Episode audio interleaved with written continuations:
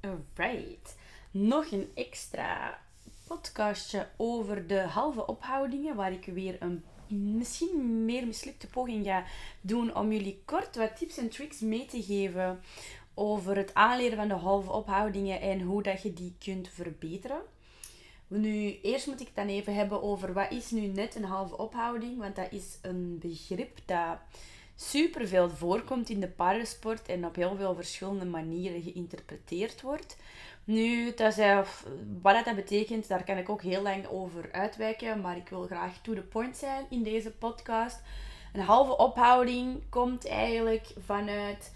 Um, de bedoeling daarvan is dat we willen meegeven, is dat dat een signaal is waarmee dat we onze paarden kunnen zeggen van tijdens het uitvoeren van deze manoeuvre plaats daarvoor meer gewicht op je achterhand, want dat gaat het veel gemakkelijker voor u maken. Waarom noemt dat dan een halve ophouding? Dat heeft te maken met dan volledige ophoudingen. Bij volledige ophoudingen komt je paard helemaal tot stilstand en verplaatst het zijn gewicht naar de achterhand. Om zo uiteindelijk naar uw schoolhoud en uw levade en al die zaken toe te werken. Heeft ook te maken met dat we onze achterwaarts gebruiken om onze paarden te leren een betere overgang naar halt en een betere neerwaartse overgang te maken, omdat in een correct uitgevoerde achteruit er meer gewicht van ons, meer, een groter percentage van ons paarden hun gewicht op de achterhand staat. Nu weet dat je je achteruit ook helemaal verkeerd kunt doen. Daar heb ik dan de podcast van achteruit over gemaakt. En ook de webinars over de hulpen, die dat je terug kunt vinden onder lightandsuppel.be slash de hulpen, waarbij je het beeldmateriaal kunt bekijken. Nu, in elk geval daarvan komt dus een term halve ophouding. Want we willen geen volledige halt. We willen eigenlijk dat onze paard in de beweging meer gewicht op zijn achterhand kan zetten. Um, we kunnen dat dus ook misschien een ondersteunende ophouding noemen. In het werk in stilstand om onze paarden dat aan te leren gebruiken we vaak de term weight shifts. Dus dat we in stilstand onze paarden leren gewicht van voor naar achteren te verplaatsen. En die weight shifts, daar kun je um, je paard enorm mee helpen als ze dat goed kennen. Dus hoe gaan we onze paarden dat aanleren? Waarom zijn we ook niet zo vaak, eh, hebben we niet vaak een negatieve associatie met de term halve ophouding?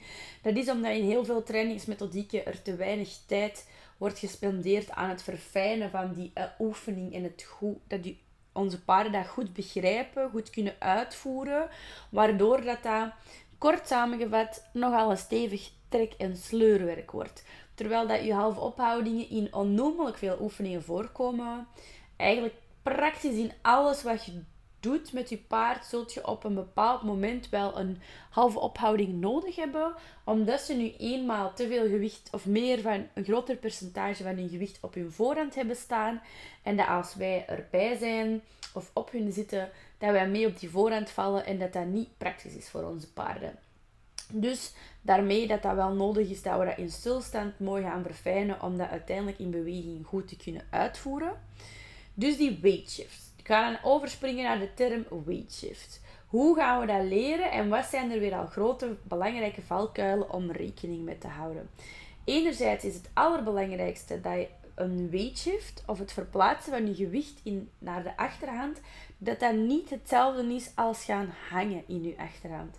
En ik zie heel vaak heel veel beelden van mensen die trots zijn op de weight shifts dat ze hun paarden hebben aangeleerd terecht, want het is altijd leuk als je paardjes hebt aangeleerd. Helaas zijn dat heel vaak paarden die ver achter hun zwaartepunt gaan hangen, in de plaats van dat ze gaan dragen in die achterhand. En als we onze paarden heel ver achter hun zwaartepunt geshaped hebben, dan gaan ze ook die, dat niet kunnen toepassen in de beweging. Dat gaat geen hulp zijn, die halve ophouding, in onze bewegende oefeningen. Want als jij in een weesje hebt geleerd dat je helemaal achter die zwaartepunt moet gaan hangen, hoe gaat je dat dan kunnen toepassen op het moment dat je aan het stappen bent, dat je aan het bewegen bent, dat je voorhand aan het verplaatsen bent, dat je een overgang naar halt aan het uitvoeren bent, dat je een neerwaartse overgang aan het uitvoeren bent en zo verder. Dus het is best moeilijk om je dat juist uit te voeren, omdat je eigen gevoel en je eigen um, je gevoel en je, je hulp, je oog. Amai, ik was even afgeleid door een, een, een, een geluid dat ik hoorde in het huis. Maar dus ook je oog moet ontwikkeld zijn. Want als je niet weet hoe een gedragen weightshift eruit ziet, dan gaat je per ongeluk een meer hangende versie creëren. Want dat is natuurlijk in eerste instantie veel makkelijker voor je paard. Dus ik ga wat hebben over enkele zaken waar dat je rekening mee kunt houden. Enerzijds moet je goed op zoek gaan naar welke hulp is het makkelijkste om mijn paard een halve ophouding of een weightshift mee aan te leren. Um, uiteindelijk willen we dat op de neus en onze teugels kunnen, maar niet in het beginstadium. Want dan gaat je heel snel een paard creëren dat achter de teugel kruipt om in de plaats van een weightshift uitvoert. Of een paard creëren dat zijn hoofd omhoog trekt in de plaats van een weightshift uit te voeren. Dus in het begin is dat vaak de borstkaas of een klein beetje ritmisch met uw vlag richting de borstkas of richting de benen. Um, target stick dat naar achteren toe beweegt. Kriebelen van achter aan de poep. Die zaken gaan we veel vaker gebruiken. Of gaan we gewoon gebruiken in de plaats van hetgeen waar we al naartoe willen gaan. Die hulp aan de neus of aan de teugels. Dan weet, is het belangrijk om te weten dat de positie van waarin de hoeven van je paard zijn een invloed hebben in welke mate dat hij een weightshift kan uitvoeren. Dus stel je voor, we staan linksom met onze paarden en we willen een weightshift voeren. Uiteindelijk wilt je dat je paard met zijn linker achterbeen een klein beetje meer onder het lichaam gaat staan. Zodat hij in dat linker achterbeen net iets dieper kan buigen. Maar dat is niet in het begin het geval. Dus soms leren we paarden de weightshift aan net met linker achterbeen achter de massa zodat ze wel leren van, ik moet iets doen zonder mijn benen effectief te verplaatsen. Het maakt dus een verschil hoe dat die voeven staan, of dat de beenpositie staan. Veel paarden die gaan ook veel te veel met hun achterhand schuin achter het lichaam staan als ze een weightshift gaan uitvoeren, waardoor um, dat ze ook gaan hangen. Dus je hebt enerzijds zien dat je binnen achterbeen er iets meer onder zit staat. Anderzijds zien dat gewoon de hoe dat de volledige achterhand staat. Staat hij recht onder het lichaam? Staat hij er nog schuin achter? Staat hij te verder ondergekanteld? Ook de positie van de voorbenen maken een verschil. Want heel veel paarden gaan in de plaats van hun gewicht naar achteren toe te verplaatsen of dat linker achterbeen toe te verplaatsen, gaan ze dat naar hun rechter voorbeen verplaatsen bijvoorbeeld. Of dan eerst naar het rechter voorbeen en dan een klein beetje naar het linker achterbeen. Dus weet dat de positie van je paard zijn benen een verschil maken in welke, um, hoe dat ze de weightshift gaan kunnen uitvoeren. En ook naar gelang van het niveau van je weightshift of je halve, halve ophouding, moet de beenpositie anders zijn. Een tweede is dan, het gaat veel helpen dikwijls als je paard, waar ook het idee van een traverhulp al heeft. Het is moeilijk, want je hebt soms je halve ophouding nodig om een traverhulp aan te leren. En soms heb je je traverhulp nodig om je halve ophoudingen te verfijnen. Dus dat wil eigenlijk zeggen, in het beginstadia van het aanleren van je halve ophouding maakt het nog niet zoveel uit. Maar vanaf het moment dat je je paard dieper wilt leren buigen op het binnenachterbeen, dan gaat een traverhulp helpen om die stelling van die heup naar binnen toe te krijgen. Want alles met je weightshift heeft te maken met dat je paard zijn heup naar binnen toe stelling neemt in zijn binnenheup en dan zo zakt in het binnenachterbeen. Wat je heel vaak ziet, zijn staarten die naar buiten toe kantelen, staarten die naar boven toe kantelen en al die zaken. Maar die staart moet net naar binnen komen en die punt van die staart, of de aanhechting van de staart in de poep, die moet net een klein beetje naar beneden toe zakken.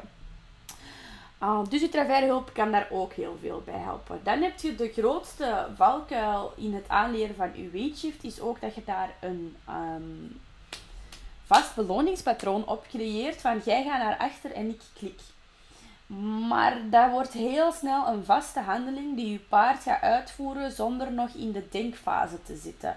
En als ze dan naar achter gaan en jij klikt en bijvoorbeeld je gaat dat vast beloningspatroon doorbreken, dan gaat er weer spanning en stress ontstaan voor je paard omdat ze uh, extinction bursts krijgen. Daar heb ik ook nog een hele podcast over gemaakt, over duratie. Hè. Daar kun je ook eens een keer naar luisteren als dit een beetje verwarmd is wat ik nu aan het zeggen ben.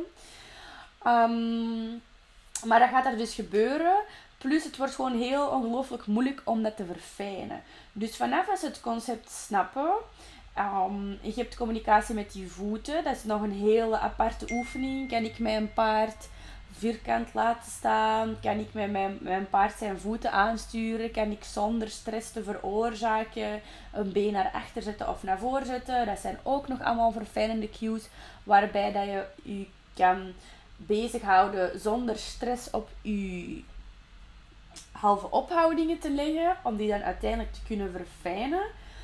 En dan gaan we zien dat we enerzijds slow motion gaan creëren in die halve ophoudingen. Dus in de plaats van onze paarden dieper te laten zakken, waarbij dat ze vaak achter hun zwaartepunt zakken, gaat je ze leren trager diezelfde beweging uitvoeren.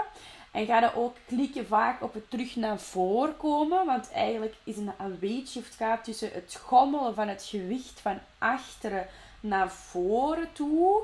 Dus dan gaan we soms naar achter gaan, terug naar voren komen en het naar voren komen klikken. Dan gaan we het naar achter gaan zo traag mogelijk maken. Neemt daar ook uw, stappen in uw shapingsproces bij op en niet plotseling heel traag gaan. Maar zeker zien dat je niet klikt of rust geeft voor sneller en dieper. Maar dat je als focuspunt gaat creëren, uh, ook niet eens snel reageren op mijn vraag, maar dat je als focuspunt gaat pakken, trager, langzamer en terug naar voren komen. En als we dat hebben, dan gaan we onze weight trager kunnen maken. We gaan terug naar voren kunnen komen. Dus we gaan ook nog eens extra duratie kunnen creëren, doordat dat een, echt een schommelend effect gaat krijgen. Want ik ga geen naar achter, ik ga geen naar voren, ik ga terug naar achter en dan pas ga je klikken. Dus we creëren op twee manieren duratie om die oefening te kunnen verfijnen. We creëren duratie door trager ze de beweging te laten uitvoeren. En we creëren duratie door ze meermaals achter elkaar de beweging te laten uitvoeren. Alvorens we ons beloningssignaal gaan gebruiken. En dan kunnen we beginnen zien wat er ook gebeurt. Dan wordt het interessant van film dan een keer, zie waar de gewicht naartoe gaat. Is er misschien een van de kogels dat ons paard veel dieper inzakt? Vaak is dat het buitenachterbeen. Dan weten we, ah, hij is eigenlijk aan het stuwen naar zijn buitenachterbeen in de plaats van te dragen op zijn binnenachterbeen. Waar gaat die staart naartoe? Hoe beweegt dat bekken? Kantelt dat naar binnen? Kantelt de buitenkant omhoog? Kantelt dat in zijn algemeen omhoog? Uh, gaat hij misschien eerst op zijn buitenschouder hangen, alvorens dat hij naar achter toe gaat. Want als je dat kunt doen, als je die slow motion hebt, dan gaat je ook ondersteunende hulpen in je schommels kunnen gebruiken. Dan gaat je misschien, terwijl dat we de hulp vragen aan de borstkas, ons hand of onze zweep een klein beetje aan die buitenschouder kunnen houden om te zeggen niet te veel op je buitenschouder vallen in die beweging. Of om je brugsignaal te geven op het moment dat ze van die buitenschouder afkomen. Dan gaan we meer onze travershulp erbij kunnen pakken. Dan gaan we trager onze hulp kunnen inzetten. En al die zaken waardoor dat we echt dragen kunnen gaan creëren in de plaats van hangen. Voegt ook op tijd beweging toe aan het oefenen van die weight shift. En zie zeker dat je het niet te lang aan een stuk doet, want dat vraagt enorm veel van de concentratie van onze paarden en ook echt wel van dat lichaam van die paarden. Dus je gaat er heel snel over gaan. Vergeet dat niet. En beweging toevoegen heeft te maken met als je dan na een weight shift bijvoorbeeld eens een keer terug een overgang naar stap creëert, dan gaat ons paard die linkje van tussen de link tussen die oefening in stilstand en het uitvoeren in beweging gaat duidelijker worden. Dat gaat meer ene pot net in de hersenen worden, waardoor dat we dat uiteindelijk ook in de beweging gaan kunnen uitvoeren. En als we dan die weight mooi verfijnd hebben en dat ze dat echt gaan dragen op hun achterhand, dan kunnen we de cue naar keuze eraan toevoegen, zoals het signaal de teugels opnemen, zoals het signaal um, de kaptoom opheffen, zoals vanuit de longeerpositie uw teugel of uw, uw kaptoom, uw longeerlijn tegen onze paarden hun eh, neuszachtjes contact maken, zoals in je positieve reinforcement dat je bijvoorbeeld je hand opheft en een klein beetje met je vingers wiebelt. Dat is zo een, een, een cue dat ik gekozen heb voor de halve ophouding, omdat mensen dat vaak in het aanleren van die halve ophoudingen uh, met je lichaam doen. Maar je kunt uiteindelijk als je aan het wandelen of oefeningen uit, uitvoeren zijn, dan kun je niet en wandelen en achteroverleunen tegelijkertijd. Allee, dat gaat wel, maar dat ziet er niet zo prachtig uit en is ook niet zo praktisch. Dat is ook niet zo verfijnend. Dus dan zet ik daar een handgebaar op dat we dan kunnen toepassen in de beweging. Dus dat zijn allemaal al enkele tips die je kunnen helpen om je halve ophoudingen beter te maken. En onthoud als allerlaatste voornamelijk dat het leuk moet zijn voor je paard en niet stresserend. Zie, vergeet je stimuluscommunicatie niet. Vergeet je rustig stilstaan tussendoor niet. Vergeet niet dat ze daar voldoende uit moeten stappen. En dat je het ook vaak genoeg moet oefenen. Dus niet één keer om de twee weken, maar liefst om de twee à drie dagen kort. Zodat je lichaam de tijd krijgt om zich daarnaar aan te passen. Ik heb ook in de applicatie van de Train Je Oog de Zijgangen staan ook video's van de halve ophoudingen. Die je helpen om je oog te trainen van is deze goed, is deze niet goed je kunt ook video's insturen en van die zaken, dan kan ik ook vaak op een korte tijd even evalueren van kijk, waar gaat dat gewicht van je paard nu net naartoe en welke verfijning in de hulp moet je je hand in de continuous feeding misschien een klein beetje meer naar links houden, een klein beetje lager houden, vroeger terug naar beneden doen, vroeger terug omhoog doen, al die zaken. Dan kunnen we daar wel eens makkelijk naar piepen en het makkelijker of beter maken voor jou en uw paard. Goed, laat maar weten als er hier nog vragen over zijn. En kijk eens een keer zeg, we zijn er geraakt op 16 minuten. Wat een wonder!